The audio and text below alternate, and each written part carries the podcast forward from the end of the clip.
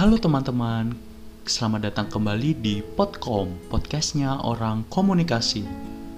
Masih dengan saya, Fahri Muhammad Zulham, dari mahasiswa ilmu komunikasi Universitas Muhammadiyah Yogyakarta. Pada episode kali ini, saya akan membahas tentang karakteristik radio dan televisi. Nah, radio dan televisi sendiri merupakan teknologi elektronik yang masih berkembang sampai saat ini Oke, sekarang saya akan jelaskan tentang radio dulu ya. Jadi yang pertama, radio dapat didengarkan bila ada siaran yang berlangsung. Yang kedua, dapat didengar kembali bila diputar kembali. Yang ketiga, daya rangsang rendah. Yang keempat, bersifat elektris. Yang kelima, relatif murah. Dan yang keenam, daya jangkau yang cukup luas. Nah, ternyata radio memiliki karakteristik yang khas loh. Yang pertama, radio itu imajinatif. Lah, kok bisa sih imajinatif? Nah, karena dalam pikiran kita sebagai pendengar, kita hanya dapat mendengarkan kata dan suara yang disampaikan melalui radio oleh penyiarnya. Kekuatan kata dan suara tadi mampu menciptakan gambaran dalam pikiran kita atau yang kita sebut dengan theater of mind. Yang kedua ada auditory. Pendengar tidak akan dapat mendengarkan kembali atau rehearing informasi yang tidak jelas diterimanya karena ia tidak bisa meminta kepada penyiar untuk mengulangi informasi yang disampaikan. Yang selanjutnya ada akrab atau intim. Kok bisa sih? Tentu saja bisa dong, karena kita bisa mendengarkan radio sambil melakukan aktivitas atau kegiatan. Contohnya, Ketika kita menyetir mobil, kita bisa langsung mendengarkan lagu-lagu yang disetel melalui radio.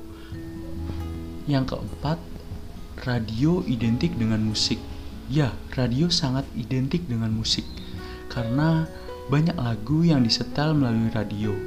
Entah itu dari request pendengar maupun lagu-lagu yang sedang hit sekarang. Selanjutnya, kita masuk ke dalam televisi. Televisi sendiri dapat didengar dan dilihat bila ada siaran. Yang kedua, dapat dilihat dan didengar kembali bila diputar kembali. Yang ketiga, daya rangsang yang sangat tinggi. Yang keempat, bersifat elektris. Yang kelima, sangat mahal. Dan yang keenam, daya jangkaunya yang sangat luas. TV mempunyai karakteristik juga loh. Yang pertama, audiovisual atau dapat didengar dan dipandang oleh mata kita. Yang kedua, berpikir dalam gambar. Nah, dalam tahap ini kita disuguhkan dengan dua hal. Yang pertama, visualisasi, yaitu menerjemahkan kata-kata mengandung gagasan yang menjadi gambar-gambar.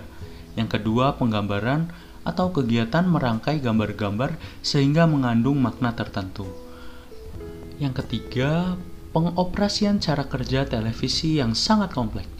Pasti pernah dong melihat kru-kru televisi yang banyak, ada bagian kamera, sound, teknis, dan lainnya. Televisi mempunyai kekuatan atau kelebihan. Yang pertama, detail. Mempunyai audio dan visual. Nah, dalam Televisi mempunyai gambar dan suara, tapi di radio hanya terdapat audio saja. Yang kedua, daya rangsang yang tinggi, yang terdapat informasi, iklan, dan program. Yang ketiga, teknologi yang sangat tinggi, yang terdiri dari digital maupun seperti saat ini streaming.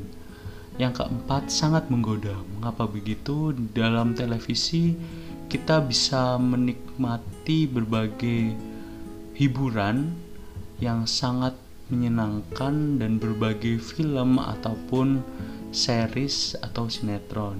Nah, yang selanjutnya mudah ditiru dan yang terakhir jangkauannya yang sangat luas.